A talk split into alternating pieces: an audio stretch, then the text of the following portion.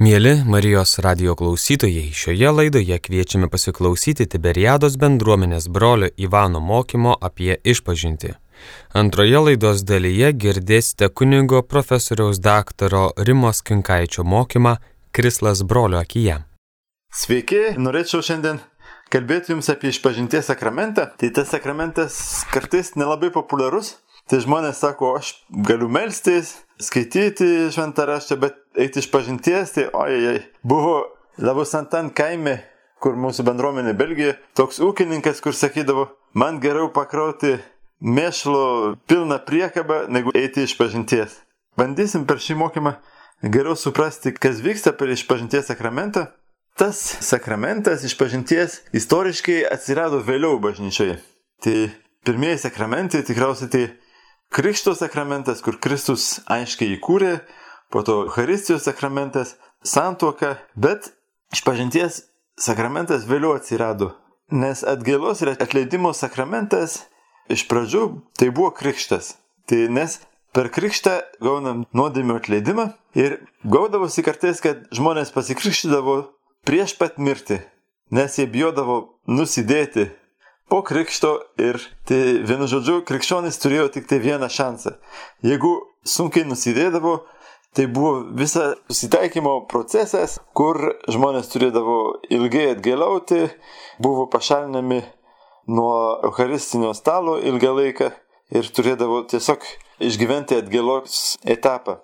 Bet ta praktika rodė, kad neužtenka krikšto, kad reikia atnaujinti krikšto sakramentą. Ir išpažintis yra tą galimybę atnaujinti, kad tikrai gyventume pagal krikštą.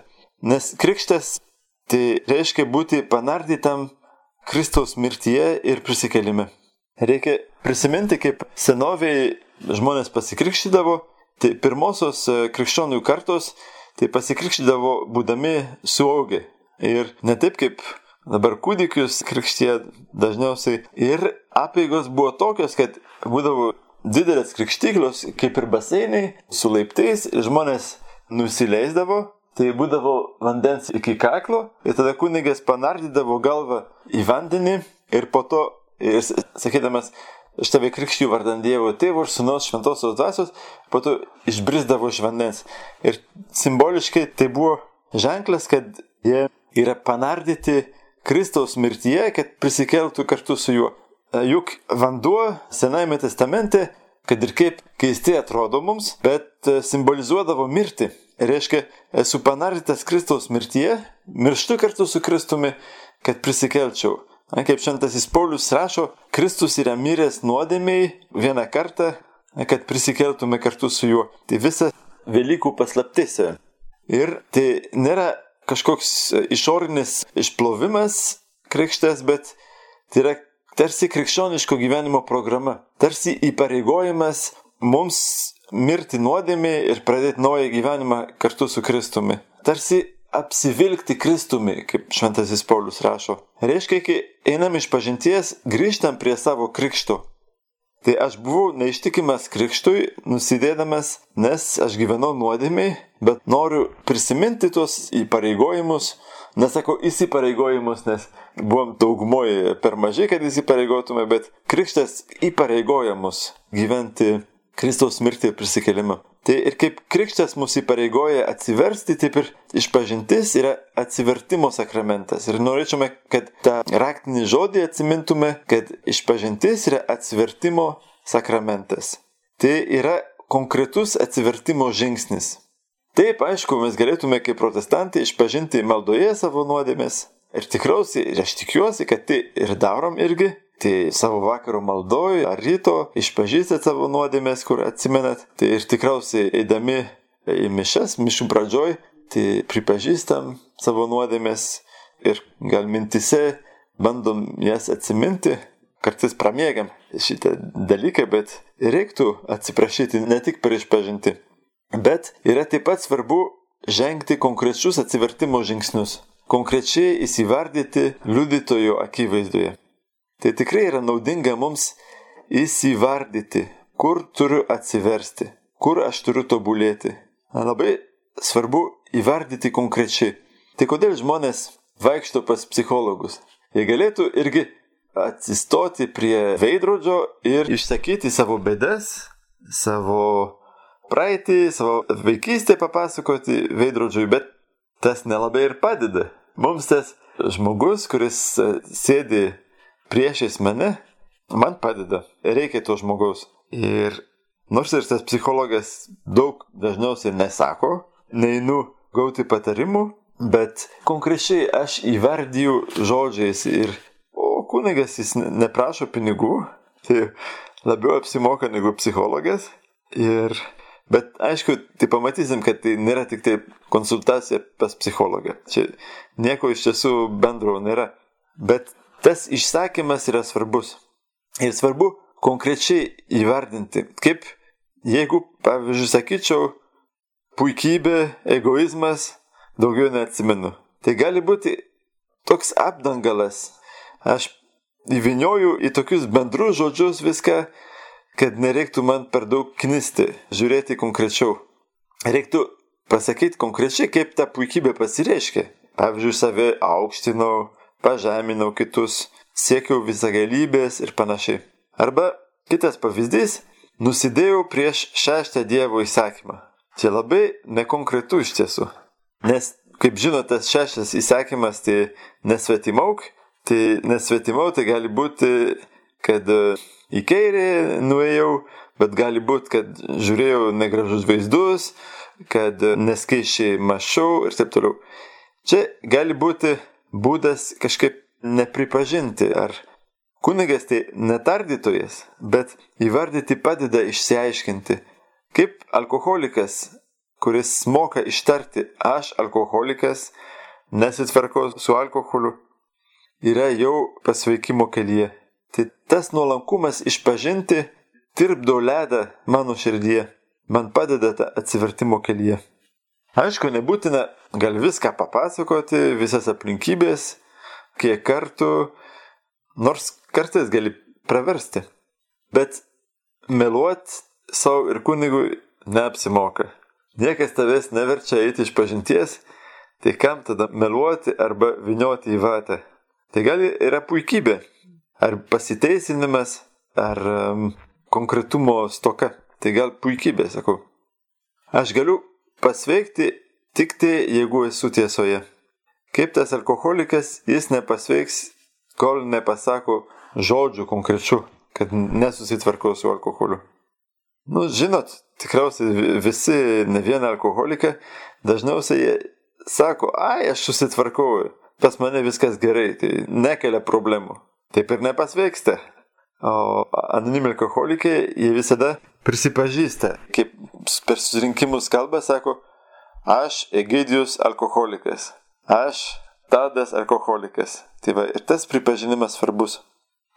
Tai išpažinties sakramentas dar vadinamas atgailos sakramentas. Ir tai vienas labai svarbus to sakramento aspektas. Be atgailos išpažintis neduoda vaisių. Ir ta atgaila veikia kaip vaistai. Paprastai vaistai nėra skanus. Vaikystėje tikriausiai jums močiutė ar mama duodavo pelino. Nes žinot visi, kad labai šlikštų, labai kartu ir vaikai nenori išgerti pelino. Bet po to tai sutvarko visą žarnyną. Ir taip pat su atgaila, tai nėra pati linksmiausia maldos forma, bet jinai reikalinga. Ir Eiti iš pažinties tai labai geras būdas kažkaip išreikšti, išgyventi atgalę. Atgalę, kuri nėra saviplaka. Aš esu nevykėlis, nieko gero iš manęs, aš esu blogas, nesam blogi, mes darom blogio, tai yra kitas dalykas. Ir ta saviplaka tai yra tik tai savigaila iš tiesų. Tai nusiviliau savimi ir tada save baudžiu. Bet nesu girdėjęs, kad labai padėtų keistis. Kas padeda keistis, tai troškimas kitaip gyventi. Nes kol mums patinka nusidėti, tai ir darom nuodėmės. Jeigu tau patinka rūkyti, gerti, meluoti, taip ir darai. O kaip keistis? Tai keičiamės, kai jaučiam, kad jau nebepatinka, kai atsibosta, kai supranti, kad tai grauna tavo gyvenimą.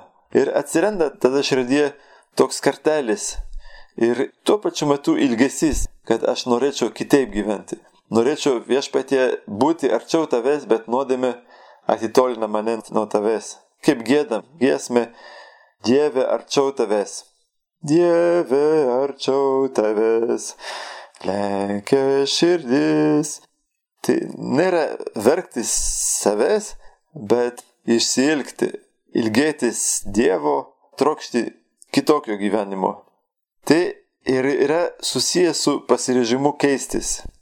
Neina iš pažinties tik tai išsivalyti, tarsi eitume į dušą, kad ramiau būtų, bet su pasirežimu keistis. Pavyzdžiui, žmogus eina iš pažinties ir prisipažįsta, kad turi dvigubą gyvenimą. Tai jeigu eina iš pažinties, tai reiškia automatiškai, kad nori nutraukti tą dvigubą gyvenimą. Išsiskirti su meilužu ar meilužė. Tai tas išpažinties sakramentas mums primena, kad atsivertimas yra mūsų krikščioniško gyvenimo pagrindas, mūsų tikslas. Kodėl melžiamės, kodėl einam į bažnyčią, kodėl dalyvaujam visokiuose rekolekcijose, už tai, kad Dievas mus kviečia atsiversti, meilė mus keičia. Tai ir iš tiesų yra pirmieji Jėzaus žodžiai, kai pradeda savo veiklą, tai atsiverskite ir tikėkite Evangeliją. Arba atsiverskite, nes Dievo karalystė arti. Iki šiol kalbėjom apie mūsų pastangas per išpažinties sakramentą mūsų pastangas atsiversti. Mes susimastę einam, pasiryštam atsiversti. Bet tame sakramente ne tik mes kažką darom. Jeigu tik mes, tai nebūtų sakramentas, tai būtų tik tai kažkokia pratimas, bet ne, sakramentas tai yra Dievo veikimas. Matom, kad iš tiesų išpažinties sakramentas yra gydimo sakramentas. Tai Dievas mus gydo. Tai matom visoje Evangelijoje, kaip Jėzus gydo. Tai jis nėra super, hiper gydytojas, kuris gydo visas lygas, bet kai Jėzus gydo, jis rodo išganimą. Kuo skiriasi išganimas nuo gydimo? Išganimas tai yra viso žmogaus išgydymas, net fizinių lygų išgydymas. Tai Jėzus mus gydo. Gydo mūsų sielą, mūsų kūną, mūsų protą. Tai apima visą mūsų būti. Ir jeigu Evangelijoje Jėzus gydo labiau fizinės lygas, tai per išpažinti labiau dvasinės lygas. Išpažįstam savo dvasinės lygas, o kodėl lygos? Už tai, kad lyga yra tai, kas yra įsisenėję. Ne tik darom nuodėmės, bet esam nuodėmingi. Yra atsiradę mumise toks polinkis daryti blogį, toks polinkis tingėti, toks polinkis kažkaip apkalbėti ar dar kažką. Tai va, kaip mes aptarėm pirmoji mokymo daly žmogaus darbą per išpažinti, dabar žiūrim, ką Dievas daro per šį sakramentą. Kaip išpažįstam savo dvasinės lygas, Dievas gali jas atleisti ir gydyti jas. Tai norėčiau grįžti prie to žodžio, kur dažnai naudojam ir kartais nesusimastom, ką jis reiškia. Tai mes kartojam ir kartojam, kad Jėzus mus išganė, išgelbėjo, išteisino. Ta žodis lietuviškai tarp kitko labai gražus. Tai iš žodžio ganyti, išganė. Reiškia, jis mane ganė iš pelkinų, išganė iš tamsybių į savo šviesą. Tai kitose kalbose, bent prancūzų, kiek žinau, anglų, lotynų, tai yra žodžiai, kurie susiję su sveikata. Ir reiškia, Jėzus mus išgano, sugražina sveikatą. Tai reiškia, per išpažinties sakramentą, tai Jėzus mus išgano. Kitaip sakant, išgydo mūsų sielas. Tai per tą sakramentą Dievas ne tik užsimerkia, kad nematytų mūsų nuodėmių. Ai, tarkim, tai va, aš nieko nemačiau, atleidžiu. Bet jis mums padeda savo malonę išbristi iš jų. Tai einam iš pažinties nagrinėti savo gyvenimą. Čia buvo pirma dalis mokymo, bet taip pat kaip elgėtos, prašyti pagalbos. Tai mūsų pastangos svarbios, bet taip pat pasitikėjimas Dievo veikimu. Nes sakramentai ir visi sakramentai Tai yra Jėzos veiklos pratesimas. Kaip Jėzus, pavyzdžiui, gydydavo, yra ligonių patepimas, kaip Jėzus krikštijo ir taip pat Jėzus mirė ir prisikėlė, taip ir, ir mes krikštiem. Kaip Jėzus guldė savo gyvybę dėl mūsų, taip ir pratesam per mišęs. Taip. Ir ta išpažinties sakramentas tai yra Dievo ir Jėzus atleidimo pratesimas, išganimo įsikūnymas mūsų gyvenime. Tai tas išganimas nevyksta magiškai, hokus pokus ir visi išganyti, visi e, išgydyti su, su burtininko lasdėlė. Bet Dievas per šį sakramentą bendradarbiauja su mumis. Ir tai yra esminis žodis čia, kad Dievas niekada nieko nedaro be mūsų. Aš tengiuosi ir tuo pačiu metu pasitikiu Dievo pagalba. Tai aš darau šimtas procentų, kiek galiu, bet ir Dievas daro šimtą procentų. Tai gal netelpa mūsų galvoj toks dalykas, bet taip yra iš tiesų. Tai aš turiu viską padaryti, bet tikėdamasis, kad Dievas viską padarys. Tai reiškia, ateinam iš pažinties nuolankiai atsiprašyti ir nuolankiai prašyti jo malonės. Tai eidami iš pažinties, tuos du punktus reikia stengtis prisiminti. Reiškia, pirma, tai išpažintis veikia, reiškia yra veisinga, kai gerai ruošiuosi, kai su tikru troškimu atsiversti.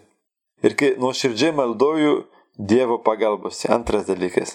Tai kai išpažįstam viešpatie nesusitvarko su savo nuodėme. Tai gerai ruoštis ir su dideliu pasitikėjimu eiti kaip ruoštis. Tai aš galiu tik tai jums patarti, padrasinti, skirti laiko pasiruošti. Kartais padeda netgi rašyti. Parašyti, kad nereiktų stresuoti, kad nepamirštume kažko svarbaus. Ir išpažinimas savo nuodėmių nėra tik tai įvardyti smulkiai visus nusižengimus. Tai pamiršau persižegnoti prieš valgį, pamiršau poterius prieš einant gultis, Taip įvardyti visus nusižengimus, tarsi nuodėmė būtų nusižengimas kokiems įsakymams. Tai yra daug giliau, bet labiau klausti savęs, kur aš turiu atsiversti, kas mano gyvenime netitinka Dievo meilė, kur esu neištikimas Dievo meilė, kur turėčiau aukti, tobulėti. Galim prisiminti tuos žodžius, kur mišių pradžioj sakom, nusidėjau, mintimis, žodžiais, darbais ir apsileidimais. Dažnai žmonės išpažįsta nuodėmės darbais, kartais žodžiais, bet mintimis ir apsileidimais tai rečiau. Nuodėmė tai nėra tik tai daryti kažką blogio, bet kartais kažko nedaryti. Arba neteisingai mąstyti. Galim taip pat ruoždamiesi pagalvoti, kokias nuodėmės padarau su savim. Pavyzdžiui, aš savęs ne, nemylėjau, ar buvau per daug griežtas, ar per daug save aukštinau. Nuodėmės su kitais, čia jau viskas aišku. Nuodėmės su Dievu. Tai koks mano santykis su Dievu? Ar aš pasitikiu, ar aš dėkoju, ar aš skiriu jam laiko, koks mano santykis su Dievo žodžiu. Tai va tas trigubas klausimas. Su savim, su kitais ir su Dievu. Ir tikrai galiu liudyti, kad reguliarus įėjimas iš pažinties padeda aukti dvasinėme gyvenime. Aš manau, kad jums nereikia įrodyti, jūs visą tai žinot. Dabar eiti iš pažinties. Tikrai bažnyčia padrasina žmonės prieš didžiasias šventes eiti susitaikyti su Dievu. Velykų šventė yra susitaikymo šventė. Dievas kažkaip aukoja savo sūnų Jėzus miršta ant kryžiaus, kad susitaikytų su žmonėje. Ir paskutiniai Jėzaus žodžiai ant kryžiaus, tai Dieve atleisk jiems, nes nežino, ką daro. Tai ačiū labai už jūsų dėmesį ir linkiu jums geros išpažinties. Sudėjau. Klausėmės Tiberiados bendruomenės broliai Ivano mokymo apie išpažinti. Dabar kviečiame pasiklausyti profesoriaus daktaro kunigo Rimas Kinkaičio mokymo Krislas brolio akyje. Jėzus mums primena tiesą, kurią patys gerai žinome aklas negali vesti aklo. Vedantysis aklasis, nematydamas kelio, daro žalą ne tik savo, bet ir tam aklajam, kurį veda. Į priekį turi vesti žmogus, kuris geba matyti ir geba matyti teisingai. Šiuo palyginimu Jėzus tarsi nori priminti žmogui, kad be žmogiškų ir žemiškų vadovų žmogui labiau reikia Dievo. Todėl, kad gyvenime mes žmonės, turėdami ribotą pažinimą ir ribotą mąstymą, širdies ribotą žvilgsnį, ne visada galime matyti teisingą kelią. Ne visada galime matyti teisingą sprendimą. Juo labiau mes negebame matyti, koks yra kelias vedantis į dangų. Jėzus yra tas, kuris žino kelią į dangų. Jis labai aiškiai sako, aš esu kelias, tiesa ir gyvenimas. Niekas nenueina pas tėvą kitaip, kaip tik per mane. Jis žino kelią. Ir jis mums tą kelią rodo, kad mes galėtume pasiekti laimingam žinybę. Bet kartu Jėzų tame kelyje į laimingam žinybę labai svarbu, kad žmogus eitų gėrio keliu, kad nepaklystų blogio labirintuose. Blogis klaidina, blogis nukreipia ne ten. Ir kartais, kaip minėjau, mums gana sunku atpažinti blogį. Jis klastingas, jis rafinuotas, jis kartais būna gana patrauklus. Ir štai čia viešpas mums reikalingas, kad mes galėtume pamatyti ir atpažinti blogį. Jėzus kalba tarsi išsako priekaištą, kodėl matai krislą brolio akyje, o nematai rasto savojoje. Tačiau ne visada žmogui lengva vadovaujantis vien tik savo protu atpažinti tą rastą. Ypatingai šiandieninėje mūsų visuomenėje, kada trinama riba tarp gėrio ir blogio, žmogui nebeaišku, kas yra gera ar bloga. Kartais jam atrodo, kad rastas sakyje yra gerai, kad rastas sakyje nėra nieko blogo. Jeigu jis dar patogus ir gražus, tai Dievas yra ta objektyvi tiesa, kuri leidžia atpažinti blogį kuri leidžia pamatyti, kas manyje yra ne taip. Ir kame ir kuo aš turėčiau pataisyti savo brolio elgseną, pasirinkimus. Pirmiausia, reikia matyti save. Ir tik tai Dievo šviesoje labai aiškiai pasimato, Dievas padeda suprasti ir atpažinti, kas gera ir bloga, ką rinktis, už ką apsispręsti, o ką atmesti.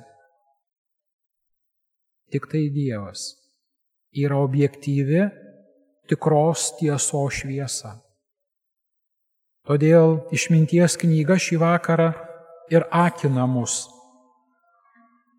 perleisti savo sielą per dieviškosios tiesos šviesą.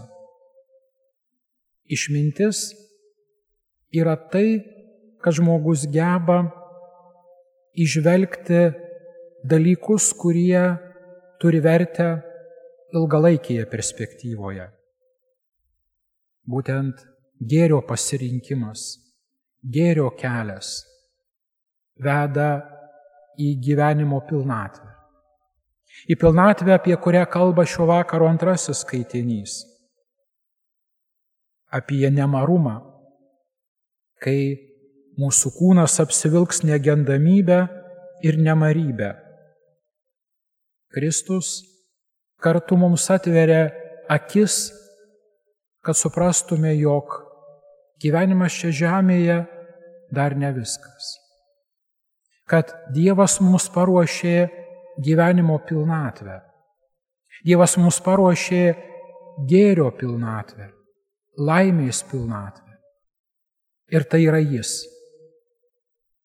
Todėl Dievas yra tas, kuris ne tik tai padeda matyti blogį ir kliūtis į gėrį ir jam žinai gyvenimą. Bet Dievas yra tas, kuris mums padeda tas kliūtis pašalinti. Padeda nuvalyti sąžinės, padeda perkeisti širdį ir svarbiausiai mūsų mirties paliestą ir sunaikintą kūną atgaivina, perkeičia ir leidžia jam gyventi toliau. Jis perkeičia žmogų. Perkeičia, gali perkeisti žmogų, jeigu žmogus leidžiasi jo vadovaujamu, jo vedamu. Dievas perkeičia ir mirtį. Perkeičia mirtį į gyvenimą. Vadinasi, jis yra tai, ko mums labiausiai reikia.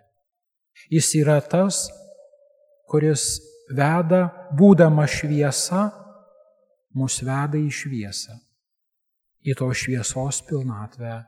Amen. Mėly Marijos radio klausytojai, ką tik klausėmės profesoriaus daktaro kunigo Rimos Kinkaičio mokymo Krislas brolio akyje. Pirmoje laidos dalyje girdėjome Tiberiados bendruomenės brolio Ivano mokymą apie išpažinti. Likite su Marijos radiju.